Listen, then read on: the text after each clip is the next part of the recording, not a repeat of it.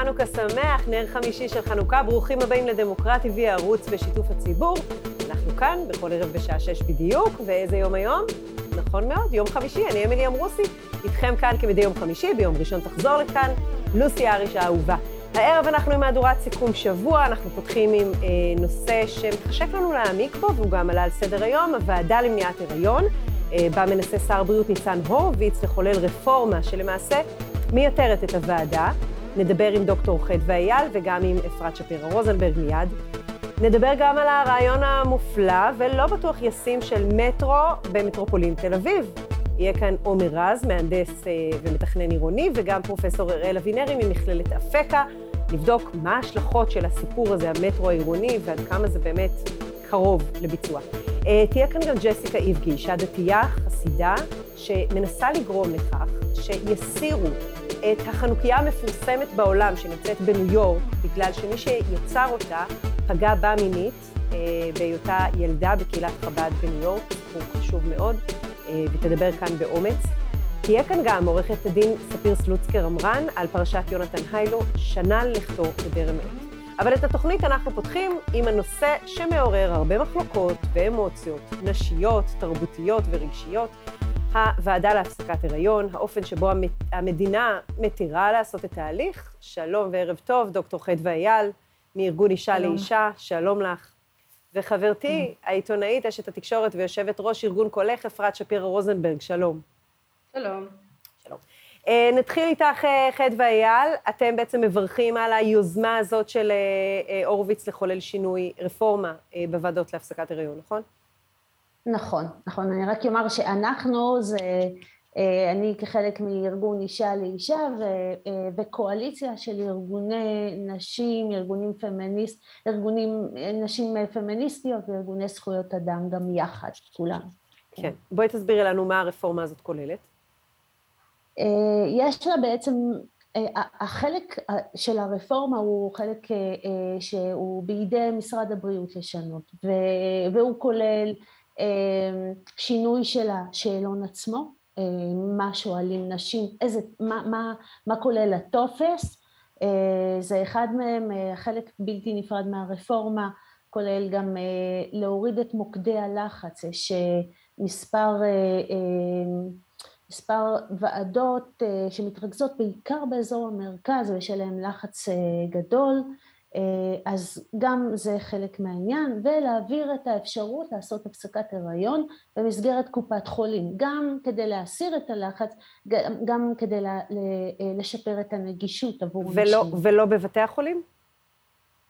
זה לא במקום, זה, זה אפשרות נוספת, mm-hmm. כן, אם אני מבינה נכון כמובן. כן, כן. כן. אה, אה, אפרת שפירא רוזנברג, שלום לך, ערב טוב. בעצם כבר היום המדינה אה, מאפשרת כמעט לכל אחת אה, לבצע הפסקת הריון. יש מקרים מאוד מאוד חריגים של נשים שלא מאושר להן, וזה בדרך כלל בגלל גיל ההיריון, שפונות בגיל, בזמן שבו ההיריון כבר מאוד מאוד מתקדם, וכבר אה, לבצע אה, הפלה מהסוג הזה, מדובר בעניין מוסרי כבד משקל. אה, האם בעינייך נדרשת רפורמה? אה, האמת היא שכן, זאת אומרת המצב בארץ הוא דווקא מצב לא רע באופן כללי, כשאנחנו היום חיות בתקופה שבארצות הברית יש מדינות שהולכות ואוסרות, מחזירות אחורה את המצב אה, שקבע בית המשפט העליון אה, שהתיר לעשות הפלות, אז למשל בטקסס לא מזמן ביטלו את היכולת לעשות הפלות, אז דווקא המצב במדינת ישראל הוא כזה שיש חוק שמסדיר את המקרים שבהם מותר לעשות הפלות והמקרים הם די נרחבים הם כוללים כמעט כל מקרה אה, של אישה, בגלל שיש שם את העילה הכללית שאומרת שגם אם אה, הלידה תגרום לנזק גופני או נפשי לאימא, ובעצם זאת סוג של עילת סל שמאפשרת כמעט לכל אחת שמעוניינת לעשות הפלה לעשות אותה. הדבר היחיד שמעיב על האפשרות לעשות הפלה בישראל בעיניי זאת הוועדה הזאת שלא מתכנסת למיטב הבנתי לטובתה של האישה, כדי לעזור לאישה, היא פשוט אירוע מאוד פטרנליסטי, שבו אישה מגיעה עם אחת ההחלטות הקשות שהיא תקבל בחייה, אני לא מאמינה שיש אישה שלוקחת את ההחלטה הזאת אה, כדבר קל, והיא צריכה לשבת מול שלושה אנשים שב, שרובם רופאים, שלא ברור למה דווקא רופא צריך להיות זה שיחליט, הרי זאת לא שאלה רפואית, כי רופא בסוף מבצע את ההפלה, את הפן הרפואי שלה. יושבת אישה וצריכה לקבל אישור מקבוצה של אנשים זרים שיאשרו את זה שהיא מפעילה שיקול דעת ושהיא יצור תבוני ושהיא רגע. לוקחת את כל השיקולים. אז... אז תרשי לי רגע לצרף לכאן אה, מרואיינת נוספת ושמה אמילי אמרוסי. אני לפני שנתיים ליוויתי חברה לתוך הוועדה הזאת, חברה טובה מאוד לתוך הוועדה, אני חושבת שגם את מכירה את המקרה הזה, אפרת. אה, נכנסתי יחד איתה לאותה ועדה בבית חולים, ומה שראיתי שם היה המון המון חמלה ורוך, ורק בסך הכל אה, וידאו איתה עובדות סוציאליות נעימות מאוד שקיבלו אותה בחיבוק לבבי, האם היא לא נמצאת תחת איומים ואלימות, האם לא מכר, מישהו אחר מכריח אותה לבצע את ההפלה, זאת אומרת אולי יש בן זוג שמאיים עליה והאם זה רצונה החופשי. שאלו אותה האם היא עברה תקיפה מינית, זה היה שטיח מאוד מרופד אה, להגיע לאירוע קשה כמו הפלה, כשמישהי בדרך, עובדת מקצוע, בעלת מקצוע, שואלת אותה אם היא עברה תקיפה מינית, אם היא זקוקה לסיוע, והאם היא מעוניינת בליווי של פסיכולוג. זה בסך הכל כל מה שהם אה, בדקו איתה.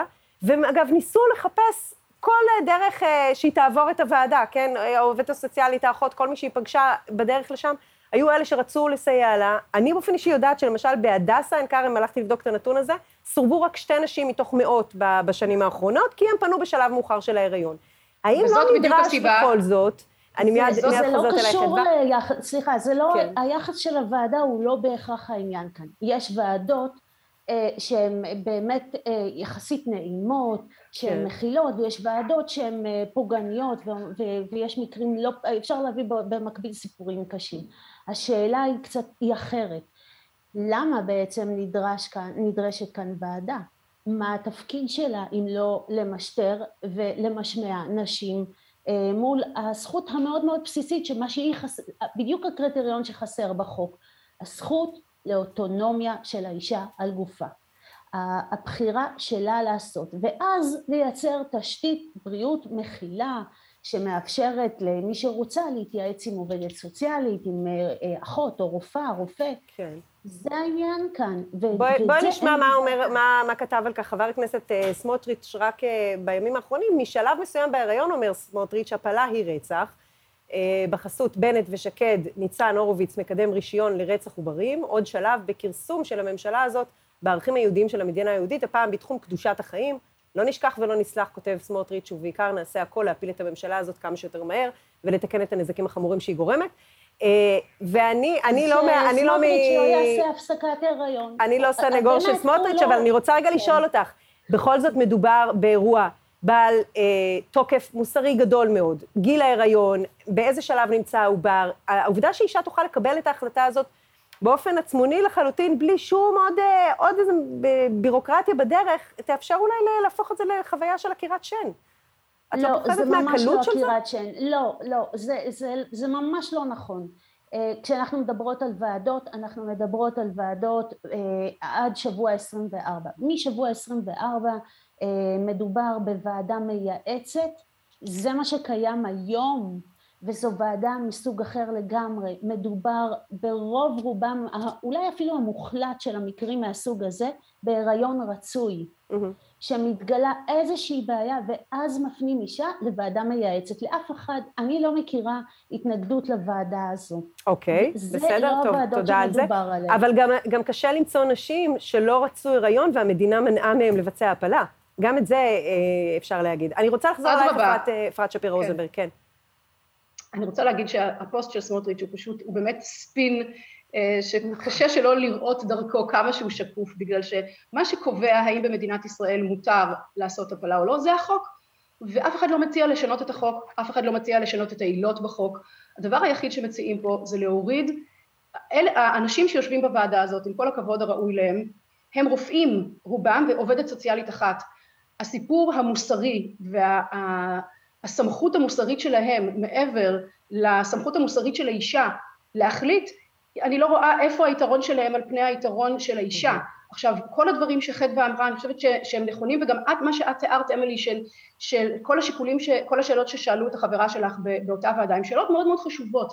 אבל אני חושבת שבמדינת ישראל יש רפואה ציבורית בקהילה מאוד מאוד מפותחת, ואני חושבת שבקלות אפשר לפתור את הבעיה הזאת על ידי זה שכמו לכל ניתוח או כל רופא מומחה שאני צריכה ללכת אליו כמעט, אני צריכה לעבור דרך רופאת המשפחה שלי שתיתן לי הפניה, והיא הרבה פעמים עושה אינטייק, והיא שואלת מה המצב ומה קורה, ובמסגרת חיסיון רופאה מטופלת היא יודעת עליי הרבה דברים שאנשים אחרים לא רואים עליי, לא יודעים עליי. אני חושבת שאפשר לפתור את הבעיה הזאת מאוד בקלות על ידי זה שכדי לבצע את ההפלה הזאת צריך אולי הפניה של רופאת המשפחה שמכירה בקהילה את האישה ויכולה לעשות את כל האינטייק הזה איתה ולשאול אותה בחדר הסגור שהן מכירות לא מעט שנים אם מישהו מאיים עליה, אם מישהו מפעיל עליה לחץ, אולי היא נתונה תחת לחץ כלכלי, אולי היא עברה תקיפה מינית, ואז אם היא מקבלת את המענה לכל השאלות והיא דיה עם האישה מתוך כבוד ובגובה העיניים, לתת לה הפנייה וללכת לבצע את ההפלה לפי חוק, אין פה שום רפורמה, אין פה שום דבר שמשנה סדרי עולם, רצח, פגיעה בעוברים,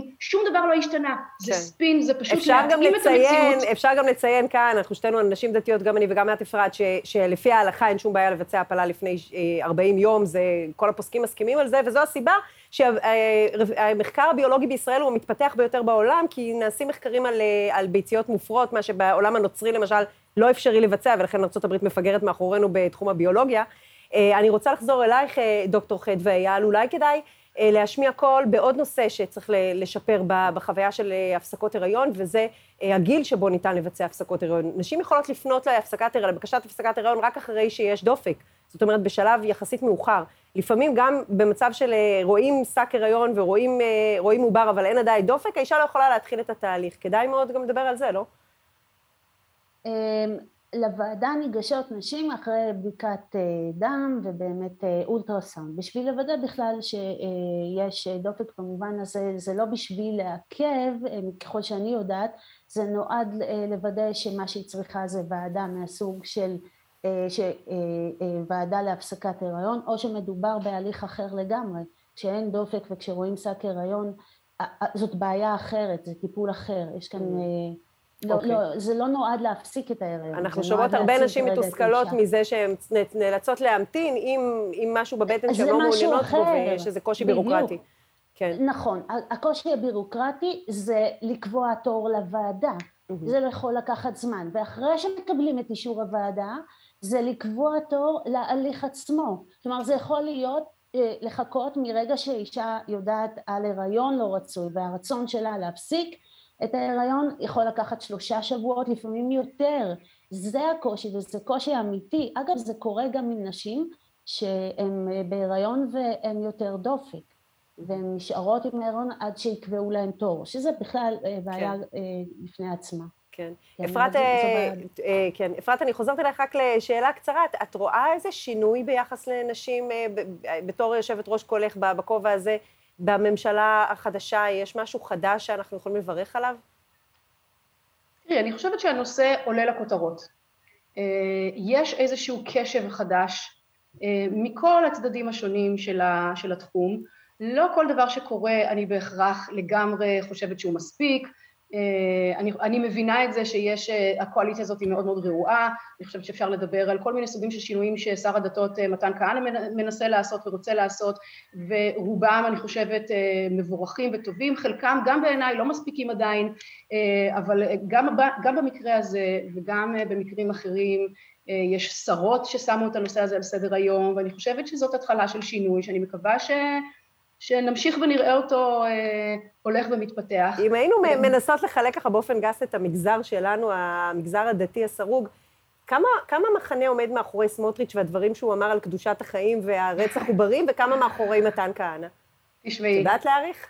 אני, אני רוצה להגיד לך, אני בטוחה שאם היה יושב כאן, או יושבת כאן מישהי שיושבת בוועדה להפסקת הריון, היא הייתה יכולה להעיד והוא היה יכול להעיד שללא הבדלי דת, גזע, מין והגדרה דתית מגיעות נשים לוועדה הזאת מכל המגזרים. הצורך להפסיק הריון לצערנו הוא צורך של כל אישה באשר הוא וכל הסיבות על פני כל המגוון של הקשת שמנויה בחוק הם הסיבות שכל הנשים מגיעות איתן. אני רוצה להגיד משהו כאישה דתייה אה, או לא יודעת כדתייה, לא כדתייה, לא משנה, כמי שאני אני רוצה להגיד. אני חושבת שהפסקת הריון היא לא אמצעי מניעה לגיטימי, בסדר? אני חושבת שהפלה היא לא אמצעי מניעה.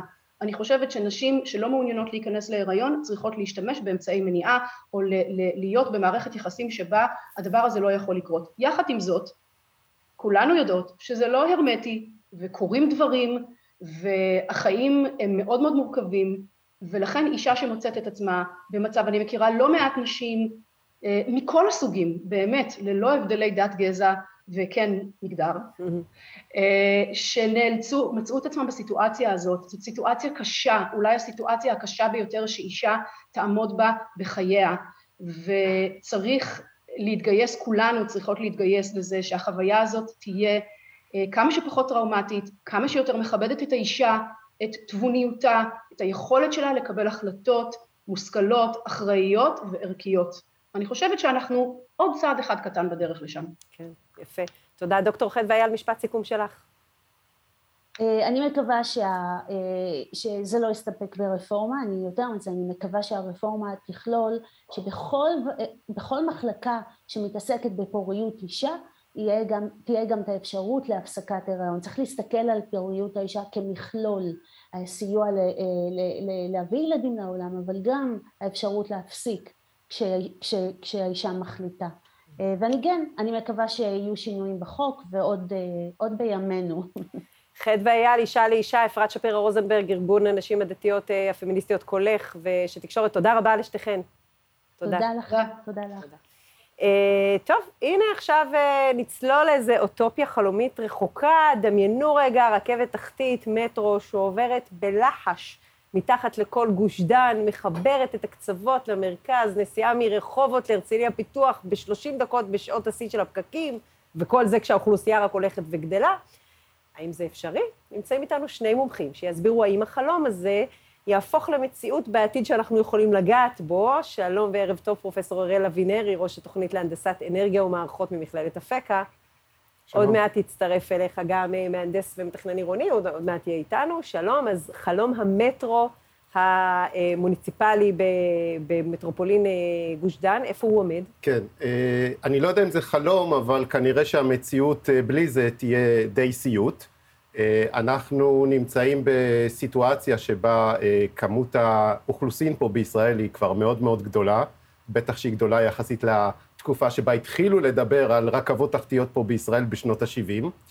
וזה רק הולך וגדל. אז אם אנחנו מסתכלים קצת קדימה, ובמונחים של תשתיות זה קצת, אה, שלושה עשורים קדימה, האוכלוסייה שכיום היא מתקרבת לעשרה מיליון, לפי חלק מהתרחישים, אולי אפילו כמעט תכפיל את עצמה. Mm-hmm. וכל אותם אנשים צריכים אה, לגור איפשהו, ולהגיע לעבודה, ולהגיע לבתי ספר, ולקניות ו- וכולי, וצריכים למצוא לזה פתרונות צריכים, במדינה הצפופה. צריכים, זה כבר נמצא בתוך... תוכנית, או אפילו בתחילת ביצוע. אז אה, יש, יש אצלנו קצת פערים לפעמים בין מה שצריך ובין מה שמתכננים, ו, ובטח בין מה שמתכננים ומה שמבצעים. התהליך של אה, החלטות אה, לוקח אצלנו המון המון זמן, וגם התהליך של הביצוע, זה, הרי זה, זה פרויקט הנדסי הגדול ביותר כנראה שהיה פה במדינת ישראל, והמושקע ביותר כלכלית. האזרחי לפחות. ויש לנו כאן אה, אתגר עצום, זה משהו שהולך לקחת כנראה לפחות עשור וחצי, שניים, לבנות 아, את אה, הסיפור אוקיי. הזה, זה לא משהו שמחר בבוקר. שנה. יכול בהחלט להיות, תלוי עם ההיסטוריה של עיכובים שאנחנו מכירים, אולי זה יכול להיגרר גם ל-20 שנה, בהחלט וואו, יכול להיות. כאילו הנכדים שלי ייתנו כיף ברכבת הזאת, במטרו הזה. טוב, בזום מצטרף אלינו מלונדון עומר רז, מהנדס ומתכנן עירוני, וגם מגיש פודקאסט האורבניסטים.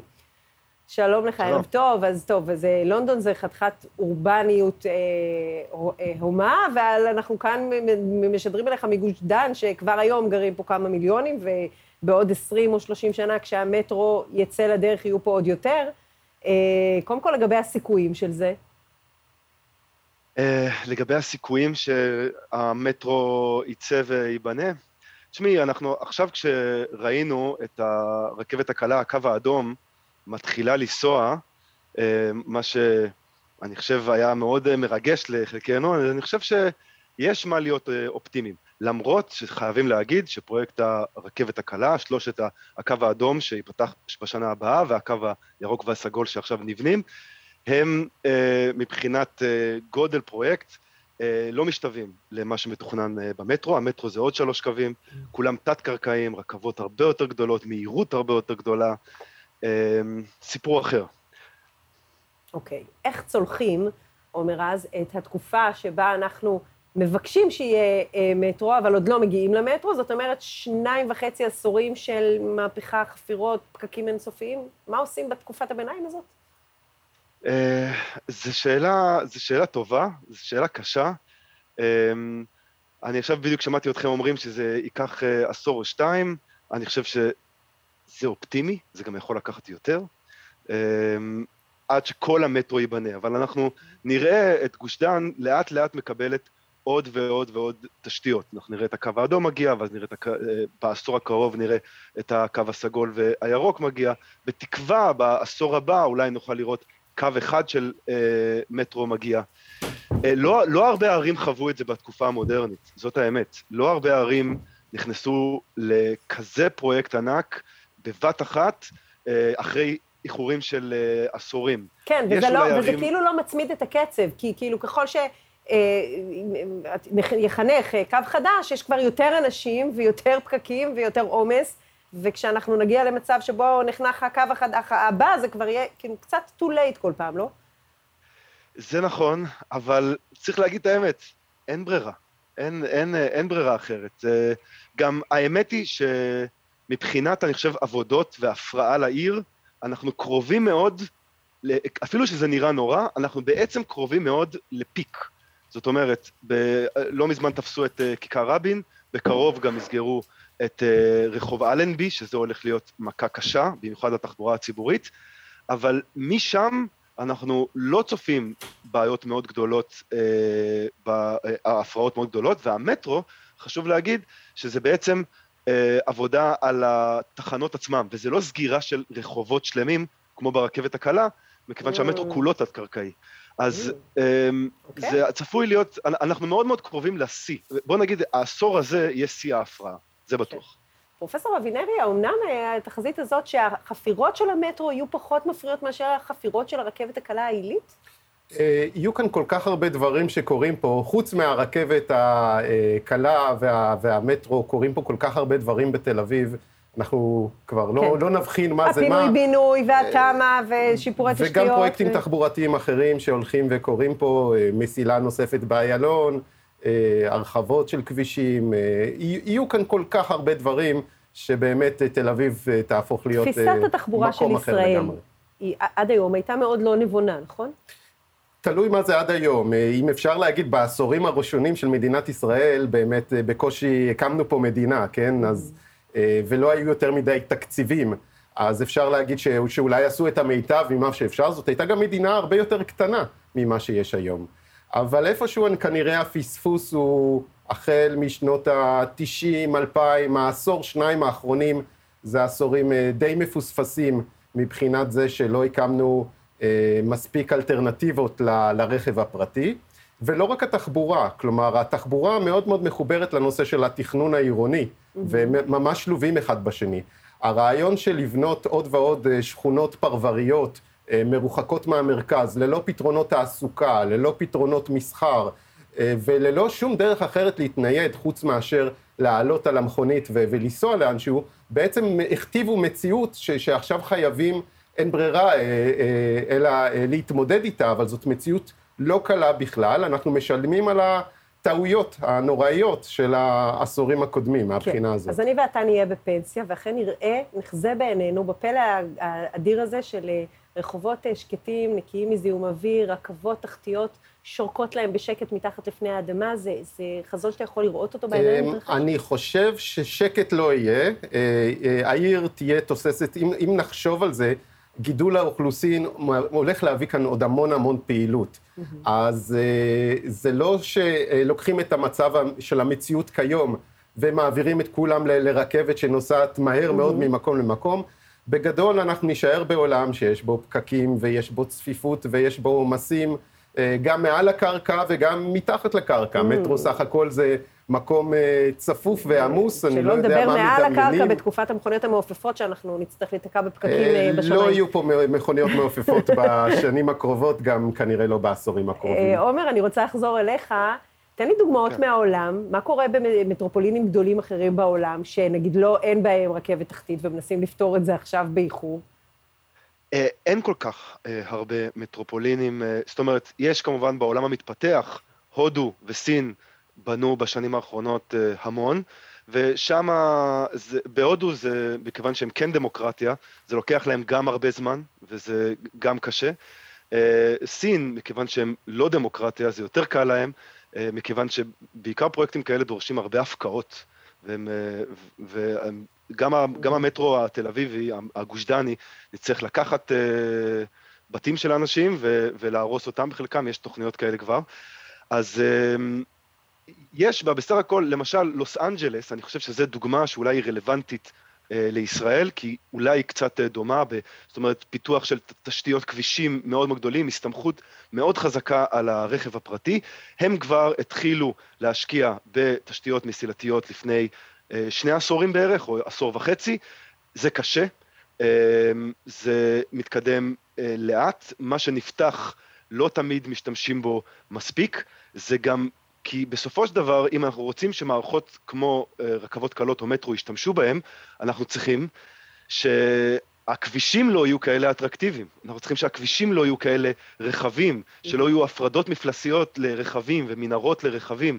Uh, ואז אנחנו גורמים למערכת הרכבות להיות יותר אטרקטיבית, ואנחנו יכולים, במקום כבישים, לעשות מרחב ציבורי יותר גדול ונעים. זה למשל בלוס אנג'לס היה קשה, ועדיין קשה, אבל הם, הם מתקדמים בזה לאט-לאט. אני חושב שמה שמעניין בפרויקט המטרו זה שמה שמלווה אותו זה תוכנית של מינהל התכנון שנקראת תמ"א 70, שהיא בעצם אמורה ליצור מרחבים, אה, גם לפתח נדל"נית באזור של אה, המטרו, ובעצם לתת זכויות בנייה הרבה הרבה יותר גדולות, וגם ליצור מרחבים מאוד מאוד נעימים. אה, סביב המטרו, ובעצם באמת לנצל את מה שהוא נותן. ואת זה אני יכולה להעיד שרואים בירושלים מתקיים יפה מאוד, גם המרחבים סביב הרכבת וגם הבנייה לגובה סביב הרכבת אה, אה, מתקיימים נפלא בירושלים. פרופסור אביני... אמילי, אפשר כן. בהמשך לזה, אולי עוד הבדל מעניין בין תל אביב, מטרופולין תל אביב, למטרופולינים אחרים בעולם שיש כן. בהם מטרו, ובדי הרבה יש כן. מטרו, כן. בגודל של תל אביב, זה שתל אביב היא בעצם לא עיר, היא אוסף של ערים. כן. שהתחברו להם יחדיו, או לא כל כך התחברו יחדיו, כן. ואין איזה בעל בית נורא נורא ברור מי מנהל את התחבורה ומתפעל אותה ב- באזור הזה. Mm-hmm. יש משהו כמו, אם אני לא טועה, 70 או 80 רשויות עירוניות ומקומיות על האזור הזה שאנחנו קוראים לו מטרופולין תל אביב. בלונדון יש רק אחד, לונדון. Mm. וכאן כל דבר, אם זה רכבת קלה ואם זה מטרו, אה, מיד אה, נעשה ממש אתגר טוב, אנחנו נקווה שמשרד התחבורה יודע לנהל את זה, יש לנו ממשלה. שזאת גם בעיה, שכל דבר אה, שהוא תחבורתי, בסופו של דבר מגיע לפתחו של משרד התחבורה, והוא מטפל כן. טוב. מטרו זה באמת פרויקט עצום, אבל גם דברים קטנטנים. ובתור ש... ירושלמית אני סקרנית לגבי עוד משהו, אני לא יודעת אם תדע לענות לי על כן. הצד הגיאולוגי, בירושלים כשחופרים, חופרים בסלע, ובתל אביב מדובר בחול, זה יותר קל או יותר מסובך? אה, אני לא מומחה בנושא, אבל גם בירושלים יש המון שכבות, אני יודע. כן, חופרת... האתגר של לייצר... כן, אה, ירושלים היא לא אחידה מבחינת הסלעים שיש ובוא בה. ובוא נדבר ו... על גוש דן. בגוש דן, כשאתה חופר בחול, אתה צריך לייצב את הקרקע שמעליה, את הבתים שמעליה, זה אתגר יותר מסובך? אה, כן, אבל כל מקום זה אתגר. גם לונדון הייתה אתגר, ועשו את זה כבר לפני יותר ממאה שנה, בנו מנהרות מתחת לקרקע. אוקיי, ב... משפט סיכום שלך. אני לא...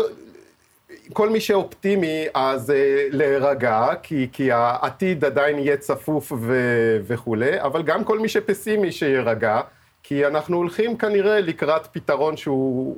פת... אין לנו פתרונות יותר טובים מזה. לא לעשות את זה, זה כנראה יהיה עתיד uh, מאוד מאוד uh, בעייתי מבח... מבחינתנו, כי האלטרנטיבה היא להמשיך לבנות על על, על גבי שטחים פתוחים שיש למדינה, שאין לנו יותר מדי שטחים פתוחים, לבנות דיור ותחבורה, אה, לשים אנשים באזורים שאין בהם כלום ולא קורה בהם כלום, והחיים שלהם יהיו אה, אומללים, וזה יעלה הרבה מאוד כסף להם להתנייד ולמדינה, עם כל מה שכרוך בכך.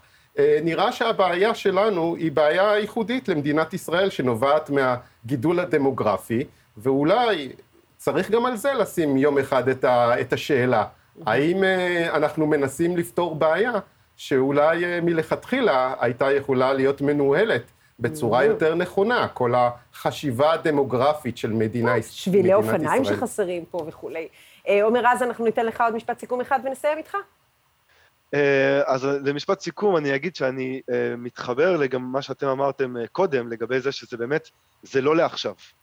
הפתרון לפקקים ולבעיות התחבורה שאנחנו סובלים בהם עכשיו, זה באמת פתרון של העדפה, של נת"צים, ולגרום לזה שהאוטובוסים יעבדו יותר נכון, וזה נכון שהמטרו זה באמת לילדים ולנכדים, וזה לא רק מבחינה תחבורתית לילדים ולנכדים, אלא זה גם, אה, למטרו יש משמעות נדל"נית. אנחנו נוכל לפתוח אופק תכנוני, לתכנן המון המון דירות בגוש דן, ובגלל שנוכל להעלות את ההיצע, נוכל לשמור את המחירים במצב סביר, ובעצם, בעצם אנחנו צריכים לחשוב יותר על המטרו בעניין של באמת ציפוף, mm-hmm. דיור, שמירה על שטחים פתוחים, שם היתרון הגדול. ומהר מהר, לפני שאנחנו מסיימים עוד שאלה אחת, אני חייבת להשחיל.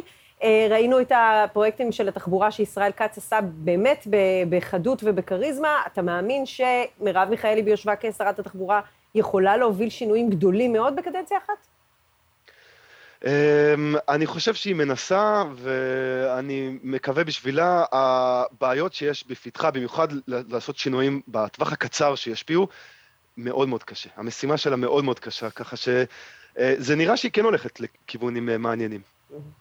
אה, עומר רז, מהנדס ומתכנן ערים, תודה רבה. פרופסור אראל אבינרי, מכללת אפקה, תודה גם לך שהגעת לאולפן. והנה סיפור חשוב להביא את האור לחנוכה. ג'סיקה איבגי היא זמרת מוכשרת, מוציאה עכשיו אלבום ראשון, אם אני לא טועה, ונמצאת גם במסע אמיץ כאישה דתייה. עומדת מול אחד הגופים החזקים ביהדות, חב"ד, ומבקשת מחב"ד להסיר את החנוכיה הגדולה והמפורסמת בניו יורק, שיצר האיש שפגע בה מינית בילדותה.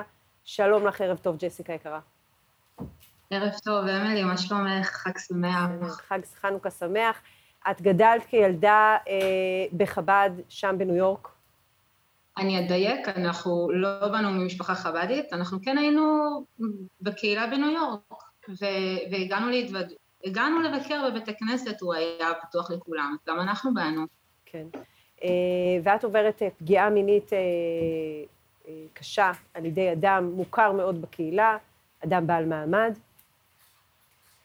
כן, למעשה אבא שלי עבד אצל הירש פקר, היוצר של החנוכיה.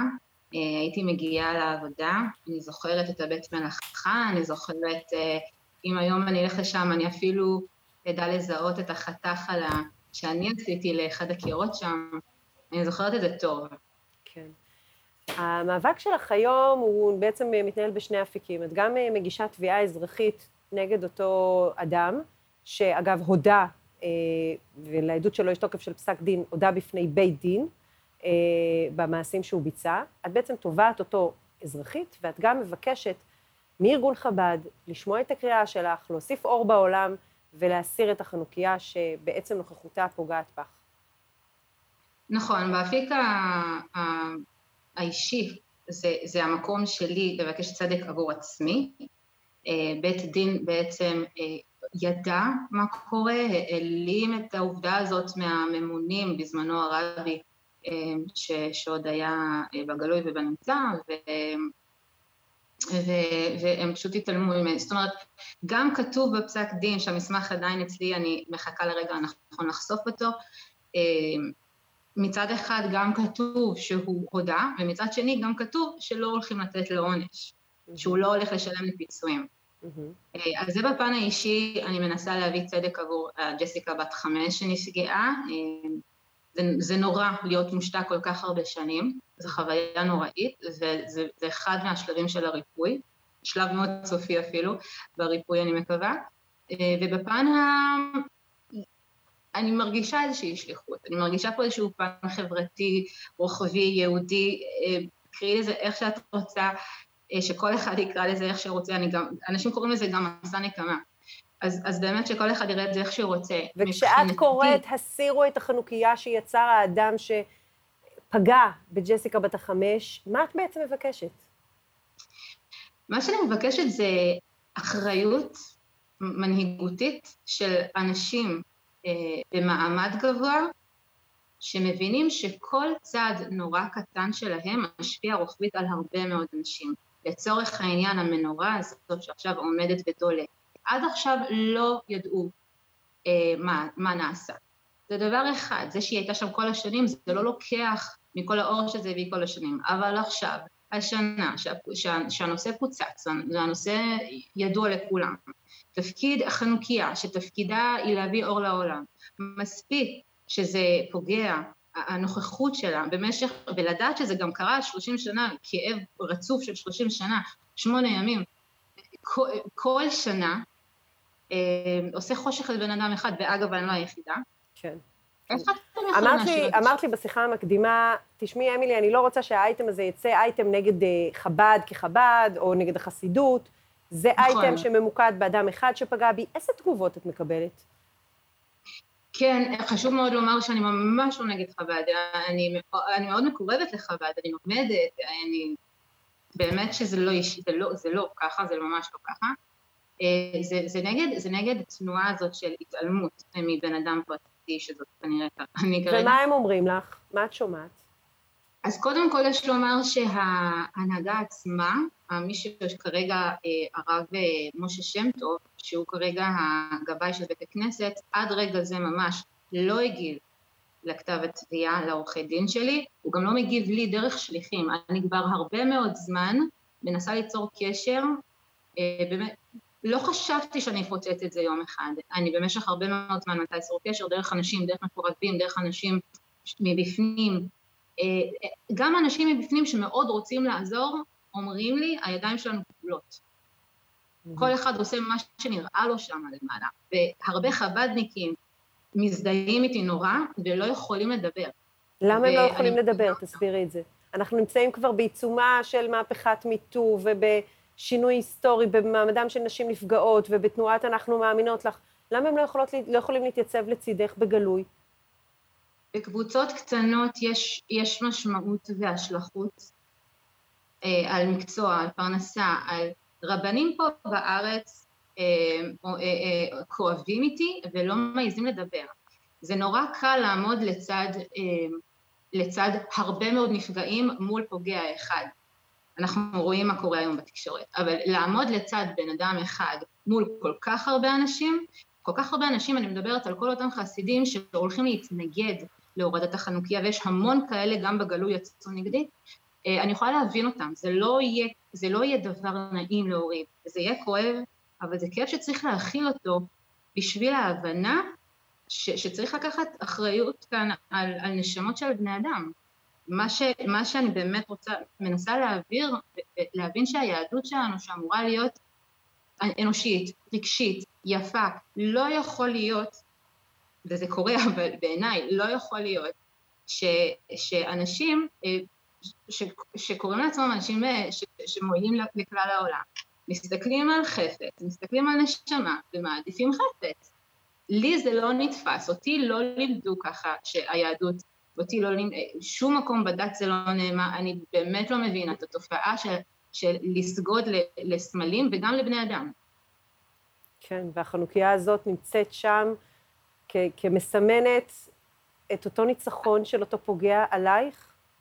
אני יכולה לומר לך שאני חווה ימים מאוד לא קלים, אני חווה סיוטים בלילות, הגוף שלי אה, מלא מתח, מלא סטרס, אה, זה אותו דבר, אבל אני חווה תופעות גופניות מאוד קשות בימים האלה, זה לא נראה עליי, אני לא מראה, ואני, שאנשים צריכים לדעת שזאת התמודדות של אנשים שחווים פגיעות, כי לא קיווית, הולך כי קיווית בכל ליבך שעד ימי החנוכה תצליחי במאבק שלך לבקש להסיר את החנוכיה מהמבנה של חב"ד. אני יש לי חלומות גדולים, ואני אני בן אדם מאוד שאפתן, אז קיוויתי, אבל, אבל גם ידעתי בשכל ש, שזה לא יהיה קל, זה לא סביר, ידעתי שסביר להניח שלא, יש לי גם נטייה לא להיכנס למלחמות שאני לא אנצח בהן, כי, כי האגו לא נותן, אבל הרגשתי שזה הרבה יותר חשוב מאגו, הרבה יותר חשוב, אני לא מחפשת לנצח. מבחינתי ניצחתי בזה שהצלחתי לבטא אחרי 30 שנה, רק להיות מסוגלת להגיד, לכתוב על זה שיר ולפרסם אותו, זה דברים מאוד לא קלים. לי זה ניצחון. כן. אפשר להיכנס לעמוד הפייסבוק שלך, גם- נמליץ, אני ראיתי את השירים שלך, הם נפלאים, את, את זמרת אה, מוכשרת מאוד, ומגיע לך גם להצליח גם בתחום הזה. את גם מאבדת את החוויות הקשות שעברת בילדות באמצעות השירים. ו, ולסיום אני רוצה לחזור איתך לתביעה שאת תובעת את אותו אדם. את מגישה את התביעה בארצות הברית, אחרי שיש לך אה, בעצם הודעה שלו חתומה על ידי בית דין, את תובעת אותו באופן אזרחי, אה, ומיד אחרי הגשת התביעה, אותו אדם נפטר, הולך לעולמו. ואת מחליטה להמשיך בתביעה, אה, לתבוע את העיזבון שלו בעצם. תשמעי, זה היה הרגע שהבנתי ש... כאילו, אם עד אותו רגע הכל היה, החיים שלי היו נראים לי לא שפויים, זה היה הרגע ש, ש, שכאילו זה פשוט ניצח הכל. זה, אני זוכרת, זה היה אחד בלילה. חתמתי, כבר חתמתי, סגרתי מעגל. לפני ששלחתי תביעה התקשרתי לראות שהוא חי, כי הוא כבר היה בן 85. התקשרתי, ביקשתי אותו בטלפון, קראו לו, ניתק, לא באמת רציתי לדבר איתו. במיוחד אחרי שפעמיים שהלכתי להיפגש איתו, הוא רק התעלל בי מחדש, רגשית, נפשית, מילולית. ו... ואני טובעת, וסוף סוף אני מרגישה שהנה, אני הולכת לסגור מעגל. ואני מקבלת טלפון, ואחד וחצי בלילה, מספרים לי שהוא נפטר. אני שוכבת, אני, אני כזה באה לישון, מה שחוויתי באותו רגע, אני באמת פחדתי שהנשמה שלו תבוא עכשיו עד אליי לישראל ותפגע בי. השכל את יודעת שזה לא נכון. הגוף חווה משהו שונה לחלוטין, ולקח לי שבועיים לצאת מההלם הזה. ולרגע לא חשבתי שאני לא הולכת אה, לתבוע, היה לי ברור שאני ממשיכה. הסרט הדתי שלי היה, רגע, אנחנו לפני ראש השנה, אני סולחת, אני לא סולחת, מה מתבקש ממני לעשות? זה, זה, זה דילמות לא פשוטות, כי סליחה היא הרבה פעמים דבר שמתבקש, אבל לא קל לעשות. כן. אה, ג'סיקה איבגי, האישה האמיצה שעומדת לבד מול תנועת חב"ד הגדולה והכוח הגדול של הרבנים שם בניו יורק, ומבקשת אה, צדק לה וצדק לנפגעות בכלל.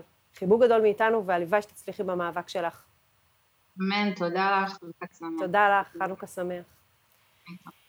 אה, ועוד אה, לאייטם הבא, גם הוא פחות עם אה, חיוך, עם לב כבד, אנחנו עוברים לסיפור הבא, שנה למותו של יונתן היילו, שגופתו נמצאה בחוף נתניה, זמן לא רב לאחר ששוחרר מהכלא. יונתן, כזכור, נכלא לאחר שהרג את האדם שאנס אותו יותר מפעם אחת. נמצאת איתנו ספיר סלוצקן עמרן, שנלחמה לשחרורו והפכה לחברתו הקרובה. שלום לך, ספיר. שלום, אמילי. מה לקח איתו יונתן אל מותו? מה היה המסע הכבד שהכריע אותו? תראי, קשה להגיד, ו...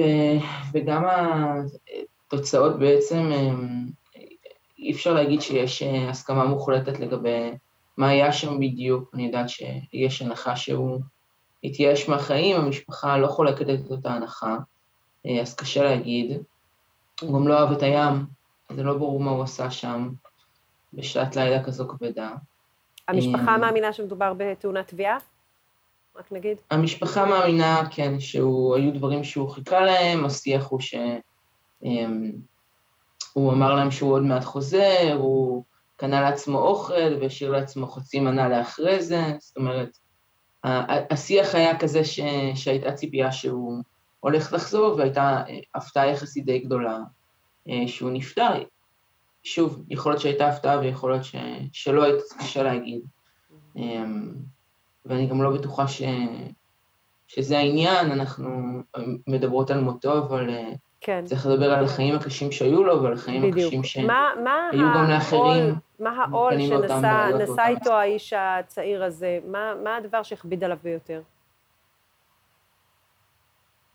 חוסר היכולת לסלוח לעצמו וחוסר היכולת אה, של החברה, אני חושבת ש, שגם אם הציבור אה, כן תמך אה, וכן רצה לעזור, הרשויות והמוסדות לא סייעו, בין אם מחוסר רצון, בין אם מחוסר יכולת או חוסר תקציבים, אבל בסופו של דבר זה מה שהיה, ואני חושבת ש... שאם מדברות על מסע כבד, זה, זה המסע הכבד שהיה. בן אדם אחרי שמונה שנים בכלא, אחרי חיים מאוד קשים ומורכבים שהוא עבר, אמ, שנאלץ לשתף את הסיפור האישי שלו, הרגעים הכי טראומטיים וכואבים שהיו לו בחיים, נאלץ לשתף אותם לציבור, כדי שהציבור יתחבר ויגיע ויסייע, כדי שזה יוכל בסופו של דבר להשפיע על המאבק לשחרורו. מקבל אחרי שמונה שנים הזדמנות שנייה, אבל זו לא הזדמנות שנייה אמיתית, הוא יוצא החוצה, ומאוד קשה להחזיק בעבודה, וקשה להחזיק בנסיעות, וקשה לקלקל את עצמו, והוא נאלץ בסופו של דבר לחזור לאותה שכונה, לבית המשפחה, לאותה שכונה, שכל הדבר הזה קרה. אמ, ואי אפשר אה, לחשוב שבן אדם פשוט יסתדר, ואי אפשר לחשוב שגם אם ברצונם הטוב של אנשים שרוצים לסייע, כמוני וגם אחרים רבים שהיו, זה יהיה פשוט בסדר. ועובדה שזה לא היה, ועובדה שיונתן ביקש ללכת לאיזשהו מעון שיקומי, וחיכה לו במספר חודשים כשהוא נפטר, כי לא היה מקום, ועובדה שלא יכל להרשות לעצמו לשכור דירה. זאת אומרת, הרבה מהדברים ש, שכן היו גורמי סיוע, היו בעצם גורמי סיוע חיצוניים, קהילתיים, mm-hmm. וזה שיונתן היה כן אנשים יותר שמעו על הסיפור שלו בזכות המאבק שעשינו, לא אומר שאין הרבה אחרים, נשים וגברים, שגם מגיעה להם הזדמנות שנייה, אבל הזדמנות שנייה אמיתית. הזדמנות של חסד, הזדמנות שפותחת דלתות באמת. על, על, על העמותה שלכם, שוברות קירות, אה, אילו מקרים אתם אה, פוגשים בעמותה הזאת? קודם כל זו לא עמותה, זו תנועה, בעצם מבקשת מאנשים להצטרף אלינו, אנשים שנאבקים כדי לשרוד, נשים חד-הוריות, נשים בדיור ציבורי, אסירים ואסירות משוחררים, או כאלה שהם עדיין בכלא, אה, מי שעומד בפני פינוי מהבית שלו, נשים שמבקשות להיחלץ או כבר נחלצו מבתים אלימים, בעצם מבחינתנו אנחנו פותחות את השורות ומבקשות להצטרף ויחד איתנו להיות חלק מהמאבקים האלה. אמ, היינו גם בין אלו שהובילו את המאבקים לשחרור של דלאל דאוד אמ, ושל סימון אמורי, כרגע נשבת אריקה פרישקין בכלא, מרצה כבר 18 שנים ומחכה אה, לתשובה מנשיא המדינה הקודם שיצא עכשיו החדש, אה, לתשובה לגבי בקשת החנינה שלה, אמ, ואני מאוד מקווה שתתקבל בקרוב בבקשה כן. חיוב, אה, כן. תשובה חיובית. לסיום, אה, זהו, ש... רצינו להזמין באמצעותך את הציבור לאירוע הזיכרון ליונתן היילו. כן. אז אירוע הזיכרון יתקיים בשבוע הבא, ביום חמישי, 9 ל-12, בשעה 7, בכיכר הבימה. אנחנו נשאיר גם אסופה מיוחדת שכתבנו לזכרו, יחד עם אומנים ומשוררות. אמ, המשפחה שלו שכתבה דברים לזכרו, אה, ונשמח מאוד שמי שירצו לקנות את זה אה, ולתרום למאבקים אחרים, ולזכור גם את יונתן, כפי שאני מאמינה שהיה רוצה להיזכר, אה, יצטרפו אלינו, ירכשו במחיר סמלי את האסופה, ויעבירו אותה הלאה כדי להשאיר את הזיכרון. ורק דבר אחרון, אמילי, אם יורשה לי, כן. תמיד כשאנחנו עושות חשבון נפש, זה מאוד מתאים לחברה בכלל, אבל גם לחברה בישראל, אנחנו עושים אחרי מות, אחרי שמשהו כבר קורה, אחרי הטרגדיה, אחרי האסון. זה לא עוזר, זה לא באמת מפיק את הלקחים. יושבים עכשיו אנשים שנאבקים עכשיו כדי לשרוד, בין אם זה נשים נפגעות אלימות שהשתחררו מהכלא ולא מקבלות כמעט סיוע, ונאלצות להסתמך הרבה על גורמים קהילתיים ורשות לשיקום האסיר שהתקציבים שלה נמוכים מאוד, ובין אם זה נשים אחרות שנאבקות עבור דיור ציבורי, ובין אם זה אימהות חד-הוריות שלא יודעות שולחות לי כרגע ברגעים האלו הודעה שהן לא יודעות מאיפה הם יביאו אוכל לשבת. אז לעשות את החשבון נפש אחרי, זה לא עוזר. מה שצריך לעשות זה לחשוב איך אנחנו כחברה, mm-hmm. כל אחת במקום שלה יכולה להצטרף. הפלטפורמה שלנו, של תנועת שבועות קירות, מזמינה את כל מי שתרצה, כולל אותך אמילי וכל מי שצופה בנו עכשיו, להצטרף אלינו, כדי לא רק להגיד, אני נותן את התרומה שלי, או אני עושה את. הדבר הקטן שלי ואני מחכה שיהיה איזשהו תיקון גדול, אלא ממש לפעול לתיקון הזה בצורה יומיומית, כל אחד לפי יכולתו ולפי רצונו, בקהילה הקרובה וברמה הלאומית. אנחנו מאוד נשמח והדלתות פתוחות, אפשר להיכנס לאתר שלנו, שבועות.org.il, וללמוד איך אפשר להצטרף למאבקים אחרים של כן. אסירות משוחררות, שהם נכנסו לכלא בנסיבות... מאוד, אמירה אה, חשובה, לא רק לצקצק מול הטלוויזיה, אלא לנסות לפעול. ספיר סלוצקר אמרה, הדוגמה לפעולה. תודה. תודה רבה לך, אה, תנועת אה, שוברות קירות. אה, ובאווירה הזאת, הקצת מעט כבדה, אך אה, מלאה בתחושת אופטימיות, אנחנו מסיימים את המהדורה שלנו, מאחלים לכם אה, קודם כל חג שמח, נר חמישי של חנוכה, ואומרים לכם תודה רבה, אתם הצופים והשותפים של דמוקרט TV. התוכנית הזאת אפשרית רק בזכותכם. כמו תמיד, ישנה חשיבות רבה לערוץ תקשורת שלא מפחד להביע עמדה נחרצת בעד הדמוקרטיה, בעד שלטון החוק ובעד המאבק בשחיתות, וגם בעד מגוון דעות, ולכן אני כאן, המהדורה המרכזית של דמוקרט TV משודרת בימים ראשון עד חמישי בשעה שש בערב, ראשון עד רביעי לוסי, חמישי אמרוסי, קל לזכור, שבת שלום, מספיק עם הסופגניות, אכלתם מספיק, חנוכה שמח.